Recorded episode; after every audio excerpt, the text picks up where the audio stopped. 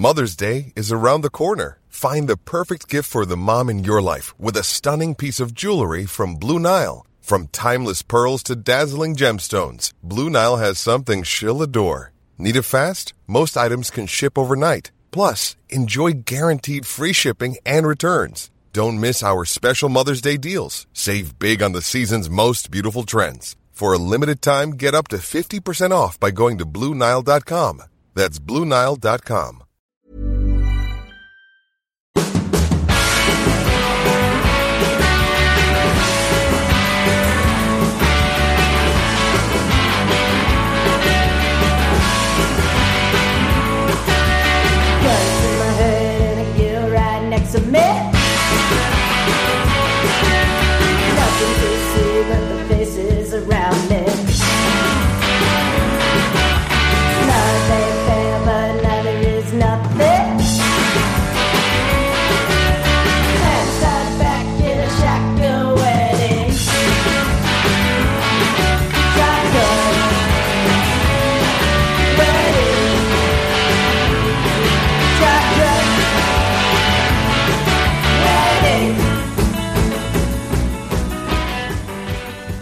Hej och välkomna till Indypodden nummer 87. Det är dags för Mid-Ohio Sports Car Course, en klassiker på Indycar-kalendern.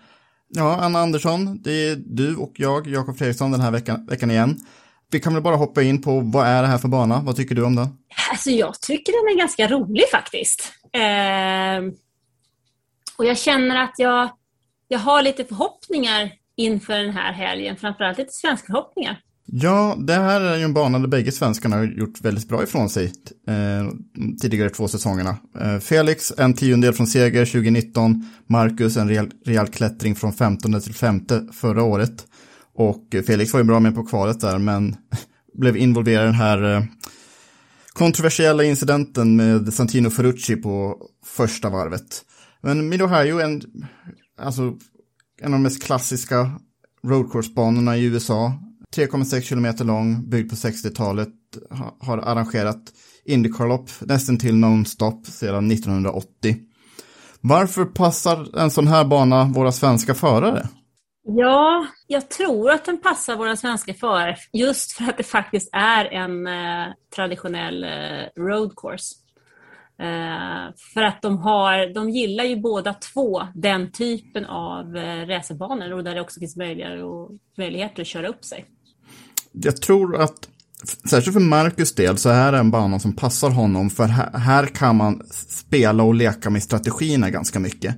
Det svänger hela tiden, så däckslitage, det är ofta på gränsen med depåfönster. Och det har också passat Marcus i händerna att göra, de här, göra ett stopp mer och sen undercutta eh, de andra förarna. Och det var ju så han tjänade så många placeringar i, i depån just förra året.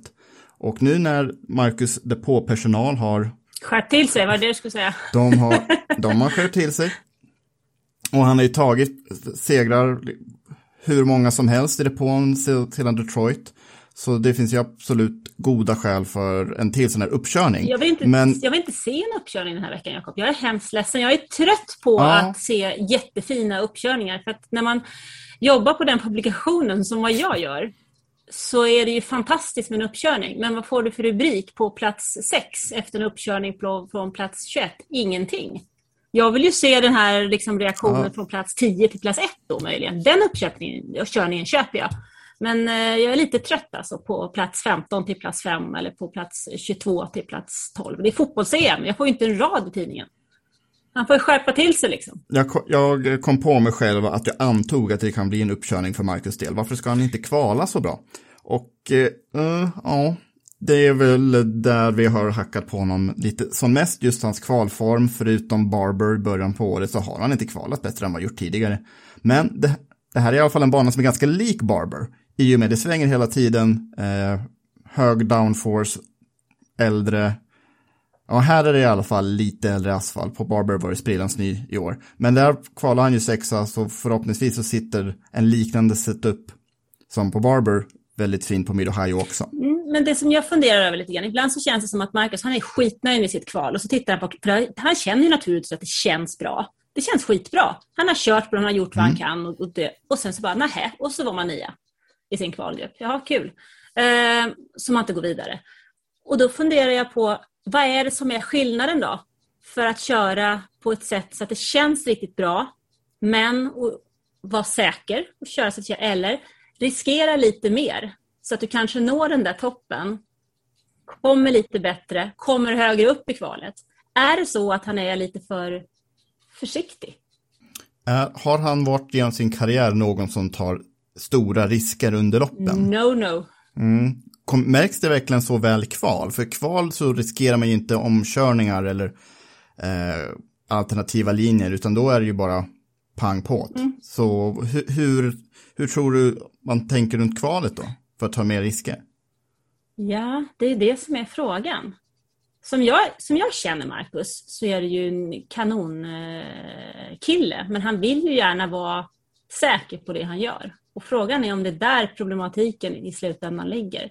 Det här att man kanske måste i dagens Indycar riskera lite mer och våga riskera lite mer. Och det kanske är så att han måste gå ut sin, gå ur sin comfort zone och gå ur det som han trivs allra bäst med för att ha möjligheten att hamna där.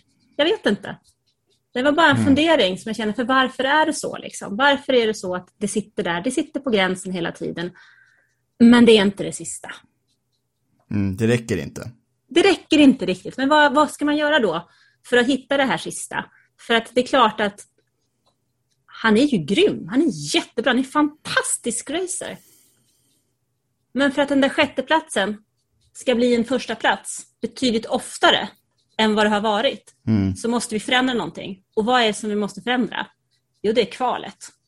För det är det som gör att han hamnar i den situationen. Han hamnar, startar liksom betydligt längre ner. Sen, sen finns det ju tusen olika anledningar till att det blir så. Eh, och jag säger inte på något sätt att jag har rätt, för jag kan mycket väl ha helt fel. Jag har bara suttit och funderat på det här. Vad är det som gör att, att vi hamnar där och vad är det som han, han kan förändra? För tänk om vi har en grym racer som startar på plats 9 istället för 18. Då ska man slåss om ett mästerskap. Alltså, då måste ju upp. Det räcker ju inte ta en seger blandat med sjunde och åttonde platser. Alltså de här grabbarna, tittar du på dem som, som ligger i toppen, de har två segrar. Men de är ju med där uppe och hugger. Det är ju samma namn som är i toppen på kvalet också. Jag tror att i Indycar 2021, då är ju svaret att för Marcus del försöka bli tio år yngre. För det är liksom, det är de Ja, men den är ju omöjlig. de idioterna nästan, om man ska till och med använda det ordet, som, som eh, Palou, Award, Weekay, Hurta, de är ju lite detached från en vux, ett vuxet liv. Eh, Men vad fasen, det sätt. kan vi inte göra. Vi kan ju inte säga till killen att bli tio år yngre. När vi samtidigt har liksom en, en eh, regerande mästare som är 40 och jag menar, herregud, kan man vinna Indy 500 när man är 45, 46 så är det väl klart som fasen att det finns någonting mer att ge. Men då ifrån, och det betyder att han är ju långt ifrån slut, han har ju 15 år på sig. Men har man fått till racecraften, ja men då måste man hitta det andra. Och hur hittar man det andra? Det finns ju verkligen någonting att jobba på. Jag önskar bara att vi kunde få fram det, för det har varit så jäkla kul. Tänk att bara få se, se riktigt roliga Marcus-rubriker här i helgen. Ja. Inte, bara en massa, inte bara en massa fotboll. Ja, precis. Det här är ju, förhoppningsvis blir det här veckans stora svenska idrottsframgång. Jag håller tummarna. Och om, ja, Marcus vet ju att hans fans hejar på honom och vi alla vill att han ska göra bättre ifrån sig. Jag är övertygad om att han kan göra bättre ifrån sig. Eh, han har så mycket potential och han har rätt approach också i, i hur man eh, alltså, taggar teamet. Han är inte någon diva som tar ut saker på någon annan utan eh, han, han vill absolut inte. hela sin omgivning bättre och vi vill hans omgivning bättre också förstås. Ja, men han är, alltså Marcus är en fantastiskt eh, trevlig kille. Han är en oerhört duktig raceförare och vi vill egentligen bara fundera över hur ska han få till den sista biten? Vad är det som gör för att hitta den där sista skinnen? Men alltså, möjligheterna finns ju. Han måste ju, bara, han måste bara hitta den när han väl har vågat och tar sig ur den där zonen och kanske vågar lite mer. Så kommer det ju att komma. Herregud, ett steg i taget. Kloka ord du Anna. Eh, vad, om vi går vidare lite grann, vad vet vi om Felix Rosenqvist inför den här eh, racehelgen? Eh, Vi vet att han ska göra en ytterligare en läkarundersökning. Sen eh, vad det ger och vad det betyder för helgen, det vet vi inte nu när det är måndag kväll och vi spelar in det här, utan eh, vi kommer förhoppningsvis och troligtvis få något besked här under veckan. Men eh, just nu kan jag inte säga någonting. Jag Mm. hoppas verkligen att vi har två svenskar på startlinjen i Indycar på söndag. Mm. Och inte bara en och en halv svensk som det var senast på Road America. Ja, men eh, Fe- Felix, fortfarande inga, inga klara besked, men inga brytna ben eh, eller ingen hjärnskakning från det han åtdrog sig i Detroit. Så förhoppningsvis så känner han sig kry, nog. Um, Rinus Wikey då, som eh, bröt nyckelbenet. Vad vet vi om honom? Ja, han har också varit helt eh, tyst eh, och mörkad på sociala medier. Så att, Ja. eh, där är ju också frågan. Det är ju ganska intressant här att, att kolla. Vad händer med Wika och Rosenqvist? Är det så att vi får eh, Askew och eh, Magnusen den här helgen också? Möjligheterna finns väl, är det inte så? Ja, med lite komplikationer för Imsta-serien är ju Watkins Glen även den här helgen. Eh, fast de har racet på fredag redan. Förmodligen så att det inte ska krocka för mycket med fjärde juli-firandet, alltså den amerikanska nationaldagen som är på söndagen. Så det betyder ju att när Insta-serien packar ihop sitt från Watkins Glen i New York, då finns det potential för både Magnusson och Askew att ta sig över till Mid-Ohio som inte ligger så långt inåt land. Eh, och i alla fall vara med på lördag och söndagsträningen. Men det är hypotetiskt. I bästa fall så är både Felix och VK krya nog att, eh, att eh, köra racerbil den här helgen. VK bröt nyckelbenet och i bästa fall så kan man köra ett par veckor efter sånt, men i värsta fall så pratar vi ett par månader. Men det, det finns inget som tyder på att det var ett särskilt illa brott i, i, för VK. Eh, han, han är uppe och tränar, gör fysträning och eh, cyklar, men på träningscykel inomhus igen. Men i bästa fall är bägge på plats i alla fall. Om jag inte minns helt snett så var det väl typ onsdag vi fick besked förra gången. Ja, Så att, eh, vi har väl en 48 timmar på oss. ja, Vi får återkomma helt enkelt. ja, det är vi. Hej! Ronny här med ett litet sommartips från vår kära samarbetspartner Tico Racing Shop. Ticos butik i Halmstad är en fröjd för racingögat. Jag skulle vilja säga att den är unik då den blandar Sveriges bredaste utbud av modellbilar med riktiga tävlingsbilar och nuggets från svensk motorsports kulturhistoria. Och då snackar vi originalaffischer, outgivna F1-fotografier, konst och inte minst Ronny Petterssons racingoverall från 1978. Och hittar du inte riktigt det du söker, då är du välkommen in på Ticcos välsorterade lager där du i lugn och ro kan botanisera i bland hyllorna utan att ha en flåsande säljare i nacken som Ticco själv uttrycker det. Bara det är en upptäcktsresa i sig, tro mig. Så har du vägarna förbi Spikgatan 15 i Halmstad i sommar så unna dig ett besök på Tico Racing Shop. Tico håller öppet tisdag till torsdag samt lördagar hela sommaren och på ticoracingshop.com är det såklart alltid öppet. Vi säger stort tack till Tico Racing Shop. Vi kan väl gå igenom lite vad, hur loppet kommer att se ut. Ehm, Det är, rätt, det är rätt bra ändå att du vet i förväg hur loppet kommer att se ut. Ja, jag tänkte, jag tänkte mer på antal varv, vad vi kan för, förvänta oss när det gäller antal säkerhetsbilar, var man borde kvala och så vidare. 3634 meter lång är banan, 13 kurvor, svänger mest hela tiden. Det är den här udda layouten på banan med start på bakrakan ner mot kurva 4 och sen så är omstarter och målgången vid mållinjen vid depån, en ganska kort raksträcka. Eh, vi kommer köra 80 varv, 290 kilometer. Det är fem varv längre än loppen förra året. Varför? Oklart. Det är tio varv kortare än för två år sedan. Eh, Så det är lite oklart. Jag tyckte inte att loppen förra året varken känns för korta eller för långa, men inte heller loppet för två år sedan som då var 90 varv långt. Så det, de vill väl att det ska vara ett tydligt trestoppsrace, antar jag här. Och inte så man kan typ klara sig på två stopp. Men mm, o- lite oklart i alla fall. Varvrekordet har Simon Pagenaud från 2016, en minut, tre sekunder, åtta tiondelar. Eh, så 80 varv kommer ju ta, om vi snackar utan gulflagg, under en och en halv timme ändå, så det är ganska kort lopp. 290 kilometer är ju ungefär fem mil kortare än vad vi hade på Road America senast, men det är ju en långsammare bana också. Ja, och tittar vi på vilka det är som har vunnit här så är det ju lätt att sätta pengarna på Scott Dixon i alla fall. Han Ja. har sex segrar om jag inte minns fel. Sex segrar och eh, 2014 vann han från sista startplats till och med på grund av att han faktiskt kraschade på kvalet. Men eh, sen så vann han loppet, varför klaga? Han vann första gången 2007, sen vann han också 2009, 2011, 2012, 2014 och så 2019 när han slog eh, Felix Rosenqvist på målsnöret. Några andra som har vunnit, Charlie Kimball tog sin ega i enda Indycar-seger på den här banan 2013. Graham Rahal är den som har vunnit från sämsta startplats, förutom då Dixons seger från sista. Rahal vann 2015. Sen har vi Paginot, Newgarden, Alex Rossi, Will Power och Colton Hurta som också har vunnit här. Och för, för Rahals del, det här är deras hemmabana. Familjen kommer från Ohio, i alla fall eh, Graham Rahal. Eh, pappa Bobby är född i Kalifornien men bodde i Ohio större delen av, eh, ja, han har bott där i större delen av sitt liv. Det här har startat stallet och de har sina lokaler i Columbus, Ohio.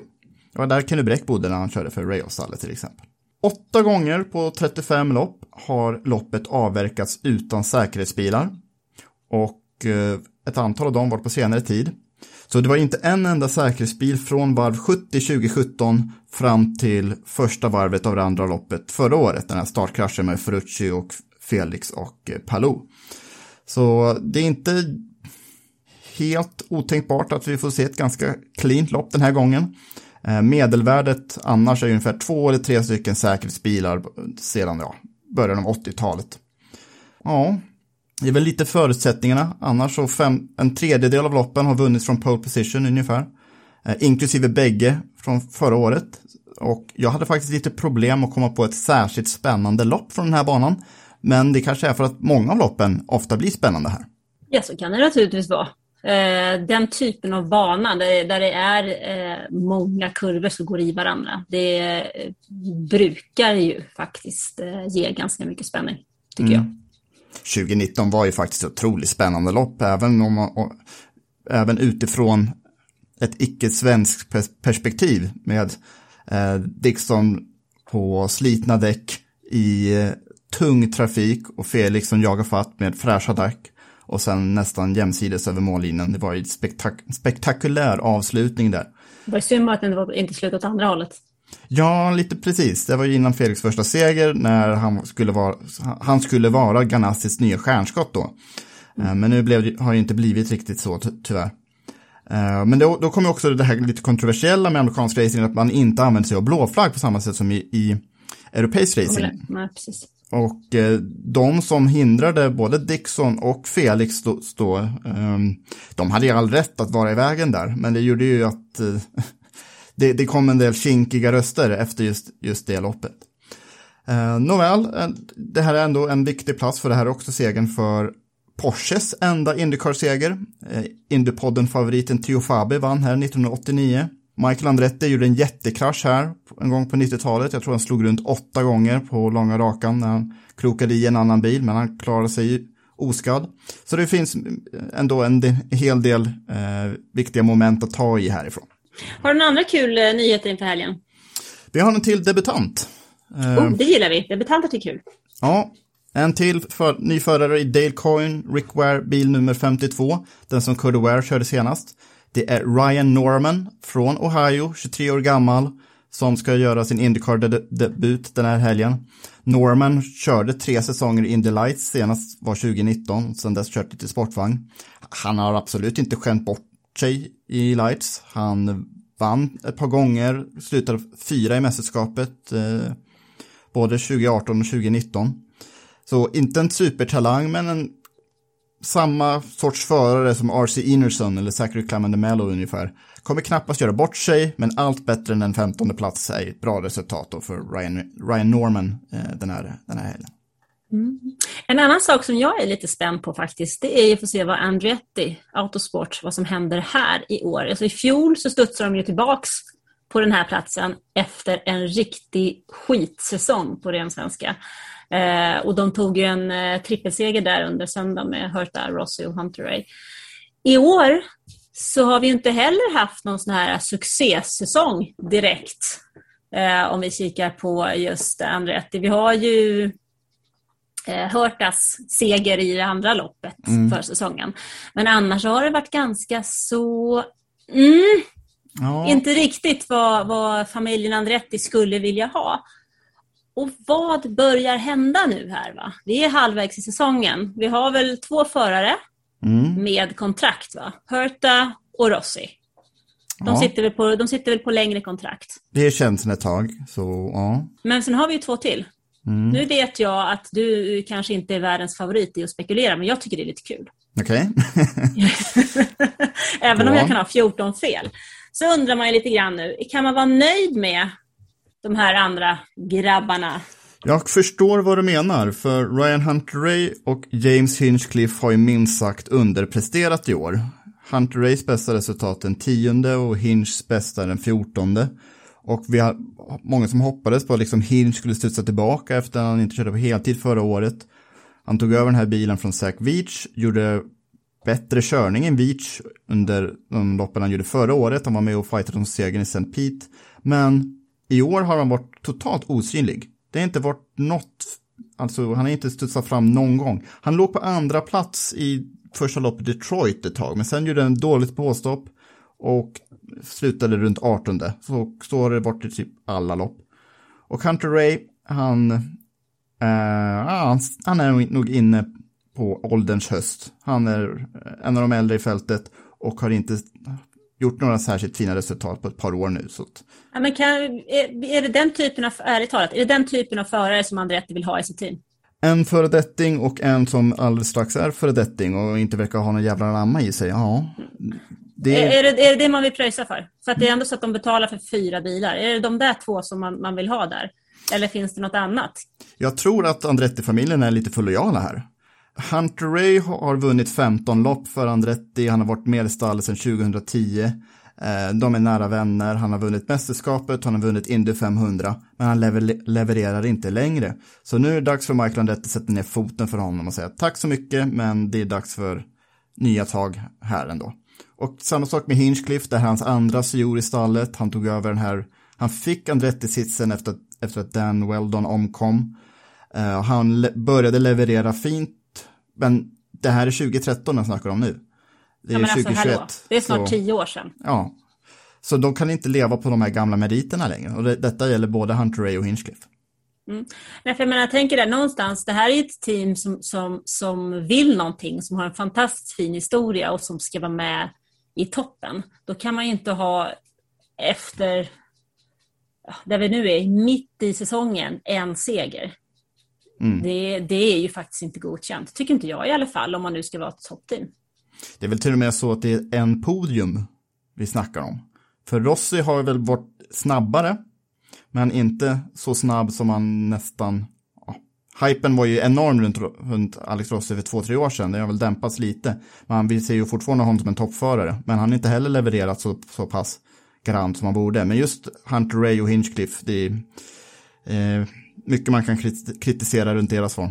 Alltså jag, eh, jag har inte koll på riktigt hur långa kontrakt eh, som, som Herta och eh, Rossi har faktiskt. Men de är i alla fall fleråriga och då är frågan om, om man nu, alltså de är, vad ligger de i seriemästerskapet här då? Sjua och trettonde, tolva, tretton Ja. någonstans har vi då Rossi. Och det kan man ju som, som eh, teamchef egentligen inte vara nöjd, nöjd med, utan då måste man ju ha de andra två bilarna, antingen som levererar eller också som, som, som ser till att deras eh, polare levererar, Ja, och kan jag känna. åtminstone ska de kunna sno resultat ifrån Ganassi och Penske och eh, McLaren, de Rahal-grabbarna. Men istället så är det deras resultat som blir snodda. Ja, och det är inte, det är inte, nej, så det kanske är, vad tror du, slår de tillbaka till helgen? Har vi nu suttit här och varit elaka och så får de ingenting? Eller så, så får vi skit på för det då? Eller I och för är det- sig. alltså förra året kom ju här, den här trippen som de gjorde. Mm. Det kom ju ut i det blå. Det var på söndagen efter att inte varit jättebra med på lördagen. Och sen så bara defilerar de hem liksom, en, två, tre seger som är väldigt ovanligt i Indycar ändå. Mm. Eh, Det har kanske hänt mindre än en handfull gånger i, liksom, i hela Indycar-historien. Och då är det and, vet jag ändå att i alla fall det har skett om rättistallet tidigare att göra sådana här resultat. Så ibland så bara blixtrar de till. Men det är ju så återkommande just det här att de börjar säsongen kast, de har en djup formsvacka. Det är ändå rätt imponerande. Börja kast och sen ha en ännu djupare formsvacka. Ja, men det är lite så, så det har blivit ett antal gånger på de senaste, säg att det har skett så tre av de senaste fem åren eller någonting sånt.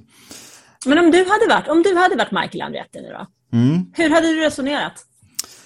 Ja, alltså jag skulle få lov att säga tack och hej till både Hunter Ray och Hinchcliffe. De har underpresterat för mycket nu och Hunter Ray tror jag är ganska mätt. Eh, frågan är vilka man ska stoppa in, in istället. Det finns ju typ en kille som Santino Ferrucci som är snabb och väldigt hungrig. Men han och Colton Hurta skulle aldrig komma överens. De avskyr varandra. Tänk dig själv de två, de hade, det hade ju inte gått. De hade inte ens kommit ut ur bilen, de hade kommit, inte kommit ut ur garaget samtidigt. Precis. Så då är frågan, ska man försöka sno någon förare från något annat toppstall? Eh, eller ska man leta utanför Indycar? Ska man kolla i Indy Lights? Kyle Kirkwood är ju Andretti-förare i Lights och eh, leder ju det mästerskapet nu. Ska man kanske åtminstone testa Linus Lundqvist? Det skulle jag rekommendera Ma- Michael nu i alla fall. Eh, nej, men de måste skaka om stallet på något sätt för det här går inte längre. Alltså den rubriken hade jag ju gärna velat ha på söndag. Att Li- Andreas designar Linus. Ja, det får väl... det är, är eh, någonting man kan drömma om i alla fall. För Men kanske hade fått in något annat än fotboll i tidningen. det vore ju underbart. För Ja. Lights är ju också på spåren på banan den här helgen. Och eh, Linus har väl kört på den här banan tidigare, om jag vill minnas rätt. Så ja, förhoppningsvis kan Linus ta tillbaka mästerskapsledningen från Kirkwood och visa att det är han som borde vara Andretti-adepten, inte den här killen från Florida.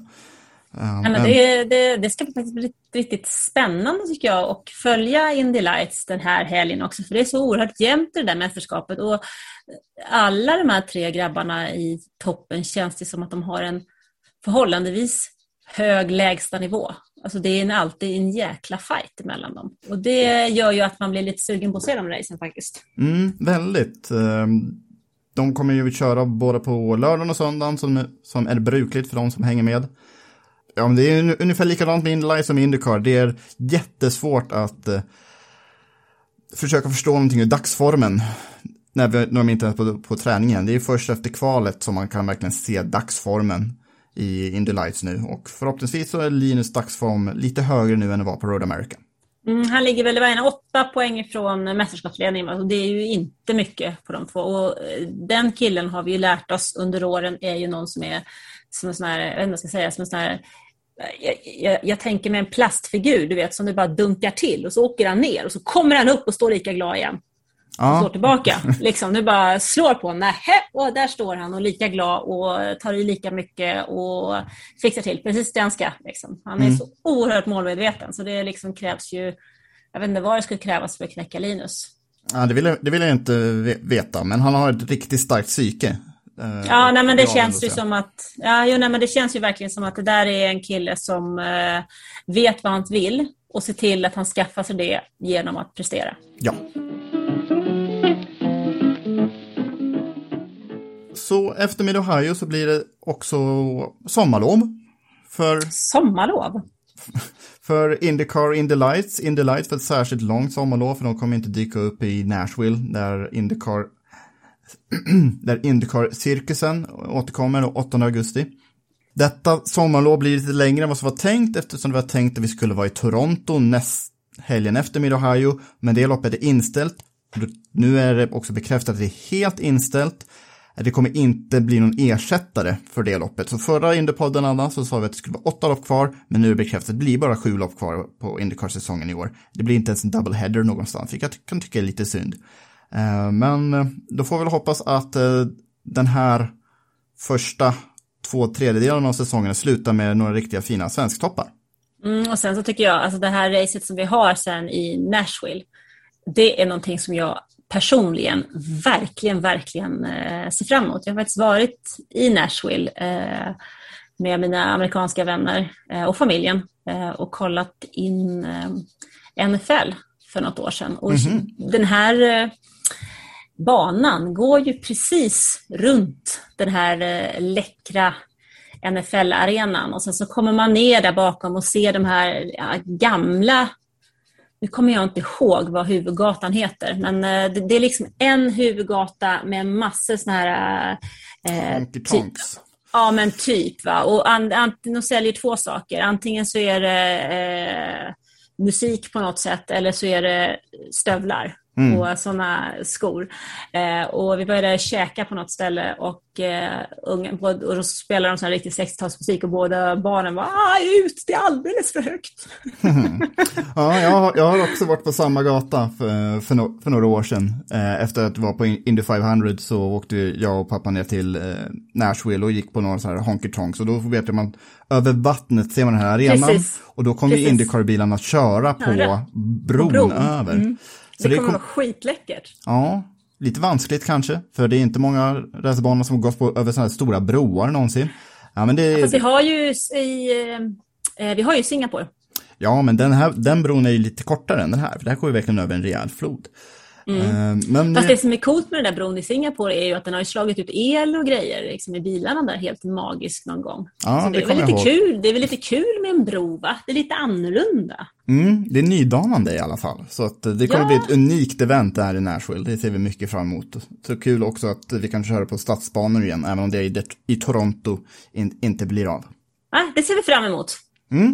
Uh, lite annat vi kan pitcha för. Rasmus Lind är i farten självklart i, när det är IMSA på Watkins Glen, även nästa, nästa ja, kommande helg. Nu på sex timmars, se, helgen som var, motorn skjuten, så inget fint resultat, men fortfarande mycket tid i den här LMP3-bilen är han, så han är ju i sitt livsform ändå, får vi lov att säga. Både fysiskt och körmässigt. Vi önskar Rasmus Lind all eh, lycka på Watkins Glen även kommande racehelg. Så får vi faktiskt inte glömma att det är F1 igen också. Ja, Eh, Det är Österrike igen och det som är lite spännande är ju att man har gått ett snäpp mjukare med däcken än förra veckan för att göra det ännu lite mer spännande. mm, Och det med tror jag behövs. på, Eh, ja, det tror jag också behövs. Och eh, framförallt så behöver ju Mercedes, som har ställt in sin utveckling av bilen, fundera lite över vad sjutton de ska göra. För någonstans måste de hitta farten. Eh, och det är väl tveksamt om de gör det på den här berg och dalbanan. Ja, det vore väl om de får, får i ordning på däckslitaget lite bättre nu. Mm. Ja, det är ju som alltid. Ja, Formel 1 är också spännande i år. Ja, i, år så. I år så är det faktiskt rätt mycket som är kul. Det är bra att det händer lite annat så man slipper titta på fotboll. Ja, verkligen. ja, och MotoGP har blivit lite... Ja, Fabio Quartararo är så himla bra nu. Han ledde ganska rejält och de går tyvärr på ett jättelångt sommarbreak nu. Sex veckor, herregud. Mm, Men där, där noterar jag nu att Vinales faktiskt eh, lämnar Yamaha i slutet av säsongen. Ja, ja det, jag är inte ett dugg överraskad. Vinales är verkligen någon som blir, gräver ner sig eh, när det kommer motgångar och nu gör han allting rätt, blir ändå utknuffad i första kurvan, kommer tvåa efter att ha varit sist, alltså verkligen dösist på Sachsenring veckan innan. Men han är ändå så här jättegrumpy. Och eh, jag, jag förstår honom att han vill ut ur Yamaha-kontraktet. Han, det är en, han har nått vägs ände där och vill eh, testa på Aprilia verkar det som, som är verkligen underdog som MotoGP. Fast absolut inget bekräftat, men spännande utveckling där, för det finns ju många väldigt duktiga i, i MotoGP som kan vinna i rätt förutsättningar och Vinales är definitivt en av dem fortfarande. Men du, du som älskar MotoGP också, jag måste ju bara ställa frågan. Vad tror du om Rossis satsning med sitt eget team i eh, MotoGP nästa år? Det... Om man kör själv, nej, det kommer inte gå bra. Han har kört Ducati tidigare och då har inte passat. Nej, Det var ju ingen bra grej. Nu, nu har den här säsongen gått käpprätt åt skogen och det var första gången han bytte stall då på åtta år och nya mekaniker och lite allt sånt. Så det kommer inte vara för hans egen karriärs skull. Men jag tror som ett långsiktigt projekt som den här VR46-akademin har, har varit nu i tio år ungefär. Det har fungerat superbra. De har ju fått upp Franco Morbidelli och eh, ja, lillebror Luca Marini och ett par andra uppemot GP-klassen redan. Så det, det tror jag mycket på ändå. Mm, det gör lite ont tycker jag att se eh, det teamet som han kör i nu eftersom vi har Johan Stigefelt. Ja. Som ju var ett fantastiskt år förra året och i år så har det ju varit fruktansvärt tungt. Ja, det är inte bara Rossis resultat utan det är ju hela stallets resultat som har backat rejält och Franco Morbidelli har ju inte haft några formtoppar och skadat knät om och om igen och missade ju senaste loppet. Ja, så jag hoppas att det går bättre för Stig stall eh, i den närmaste framtiden då efter sommarlovet. Vi kanske behöver lite lov. Det skulle vi också behöva, inte så? Jo, kanske det. Vi får ta den saken när vi kollar klart på Mid Ohio nästa helg då. Ja, det ska vi inte missa. Absolut, inte. Vi kommer, vi kommer upp med tiderna som vanligt på våra sociala medier och eh, får vi önska alla lyssnare en trevlig vecka och en trevlig racehelg. Precis, jag instämmer fullt och fast. Mm. Och med det säger vi tack så mycket till våra samarbetspartners Automotorsport, Tico Racing Shop och glöm inte er rabatt, rabattkod Indiepodden på stefanjohansson.art. Tack så mycket Anna. Tack så mycket Jakob.